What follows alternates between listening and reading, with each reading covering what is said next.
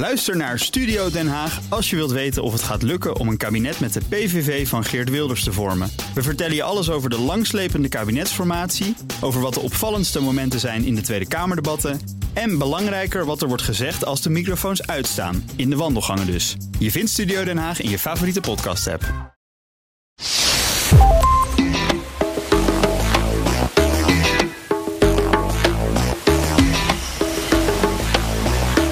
Je luistert naar de Ben Tichelaar podcast. Met deze zomer gesprekken over de psychologie van een goede vakantie.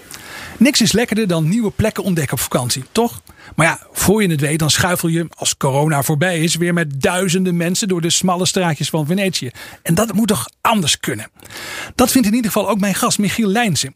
Naast een drukke baan als Global Marketing Manager bij Keurmerk Rainforest Alliance runt hij de website minorsites.com. Uh, Michiel, wat is dat voor een website?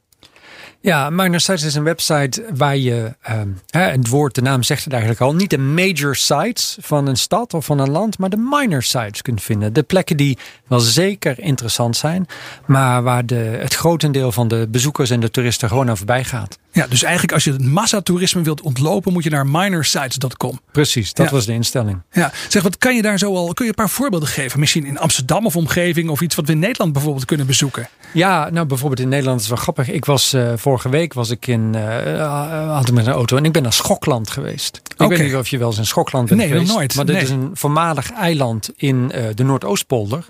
Wat dus ja, tot 100 jaar geleden of zo een eiland was. Gewoon in ja. het midden van de Zuiderzee.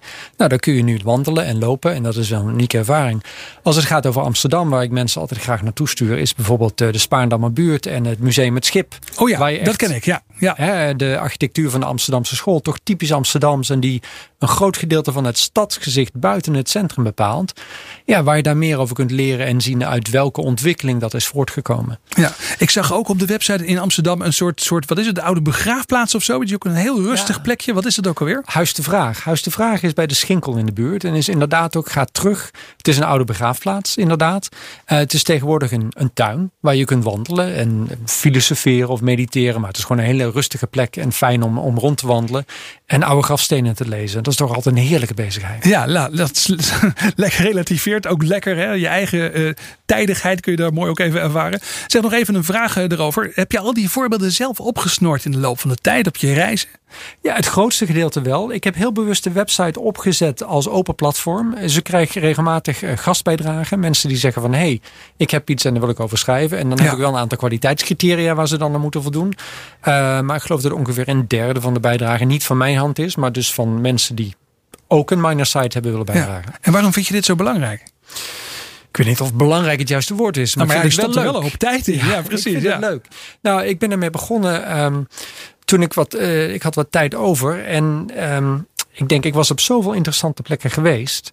Uh, waarover vaak heel weinig informatie te vinden was. En ik wou die informatie eigenlijk gewoon vastleggen. Ja. Voor mezelf, maar ook eventueel voor andere geïnteresseerden. En uh, misschien goed om te weten, kijk, ik ben een soort serial expat. Ik heb een aantal jaren uh, in, in het buitenland gezeten en steeds in andere plekken. Ja. Maar als je ergens woont, dan ga je natuurlijk niet naar de top 10 toeristenattracties elke keer toe. Dan ga je andere dingen ontdekken. Ja, precies. Dan wil je een beetje verder kijken. Precies. Ja. En vanuit dat oogpunt is de, is de website ontstaan.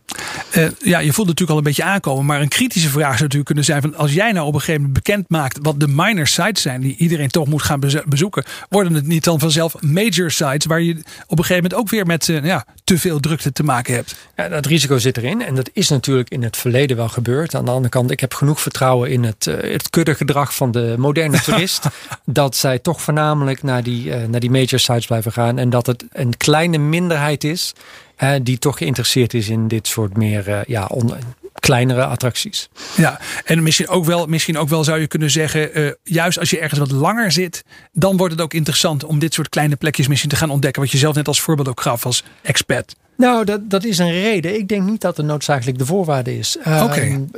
Uh, als ik nu ergens voor het eerst naartoe kom, naar een nieuwe plek, een nieuwe stad, nieuw land, dan zoek ik nog steeds dat soort plekken op. Oké. Okay. Gewoon omdat ik. Je geen begint zin... tegenwoordig bij de minor sites. Ja, omdat ik geen zin meer heb in dat massatoerisme.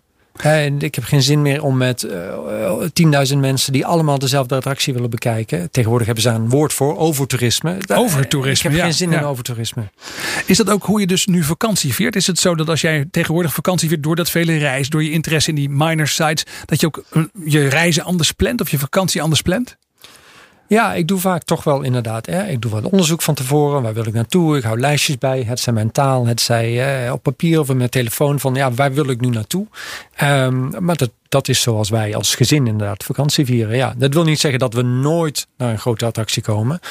Um, maar ik ben bijvoorbeeld uh, een aantal jaren geleden voor het eerst echt naar Venetië geweest. Maar dat heb ik ook ja. bewust in december gedaan. Hè, als er gewoon heel weinig toeristen zijn. En vervolgens heb ik de meeste tijd buiten het San Marco-plein doorgebracht. Oké, okay, ja. Als je nou uh, dit beluistert en je denkt... oh, dat klinkt mij eigenlijk ook wel als een fijne manier van vakantie vieren in de oren. Heb je dan een paar tips? Hè? Je noemt net al een paar dingen hoe jij het aanpakt. Wat zijn de beste tips zeg maar, die we dan moeten onthouden... als we zo'n soort vakantie zouden willen?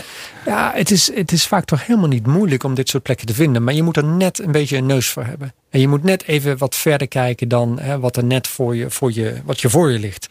Um, ik geef altijd het voorbeeld, hè, bijvoorbeeld inderdaad in een stad als Venetië of Parijs. Als je gewoon af en toe een keer een zijstraatje inslaat in plaats van gewoon met de horde meeloopt, dan kom je vanzelf op andere plekken terecht. Ja. Ben niet bang om de weg kwijt te raken.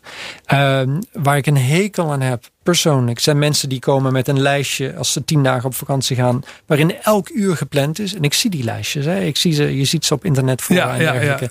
En ja, ik heb niet dat soort lijstjes. Ik heb wel een aantal opties. Maar ik zie wel hoe het loopt. En als ik op weg ergens naartoe iets anders tegenkom wat interessanter is, dan spendeer ik daar mijn tijd aan. Ja, precies. Dus je moet af en toe ook uh, bewust, zeg maar, eventjes de andere kant op struinen uh, dan de meeste andere toeristen ja. doen. En je moet jezelf ook niet helemaal vastleggen.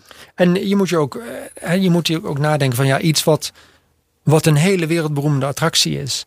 Is het nog steeds leuk om daar te zijn? Als er 10.000 mensen voor je om je heen staan. Ja. Of is het dan misschien leuker om iets te bezoeken wat net wat minder bekend is. En wat misschien objectief gezien net wat minder mooi is, maar waar je het helemaal voor jezelf hebt. Ja. Kan je een voorbeeld geven. Hè? Als je naar Italië gaat, we hebben allemaal van Pompeii gehoord. Ja. Pompeii in de zomer zeker is een hel. Hè? Dan sta je tussen de cruise uh, skiptoeristen en dergelijke. Net buiten Rome ligt Ostia Antica.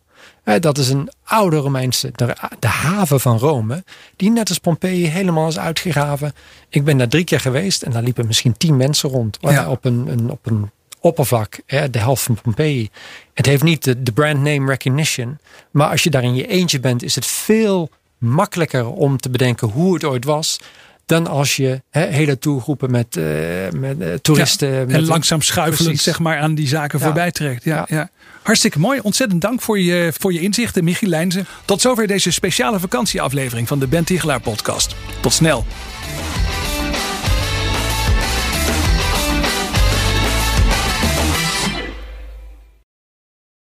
Ook Harm Edens vind je in de BNR-app. Je kunt BNR Duurzaam niet alleen live luisteren in de app, maar ook terugluisteren als podcast, zoals al onze podcasts. En naast dat de BNR-app Breaking News meldt, houden we je ook op de hoogte van het laatste zakelijke nieuws. Download nu de gratis BNR-app en blijf scherp.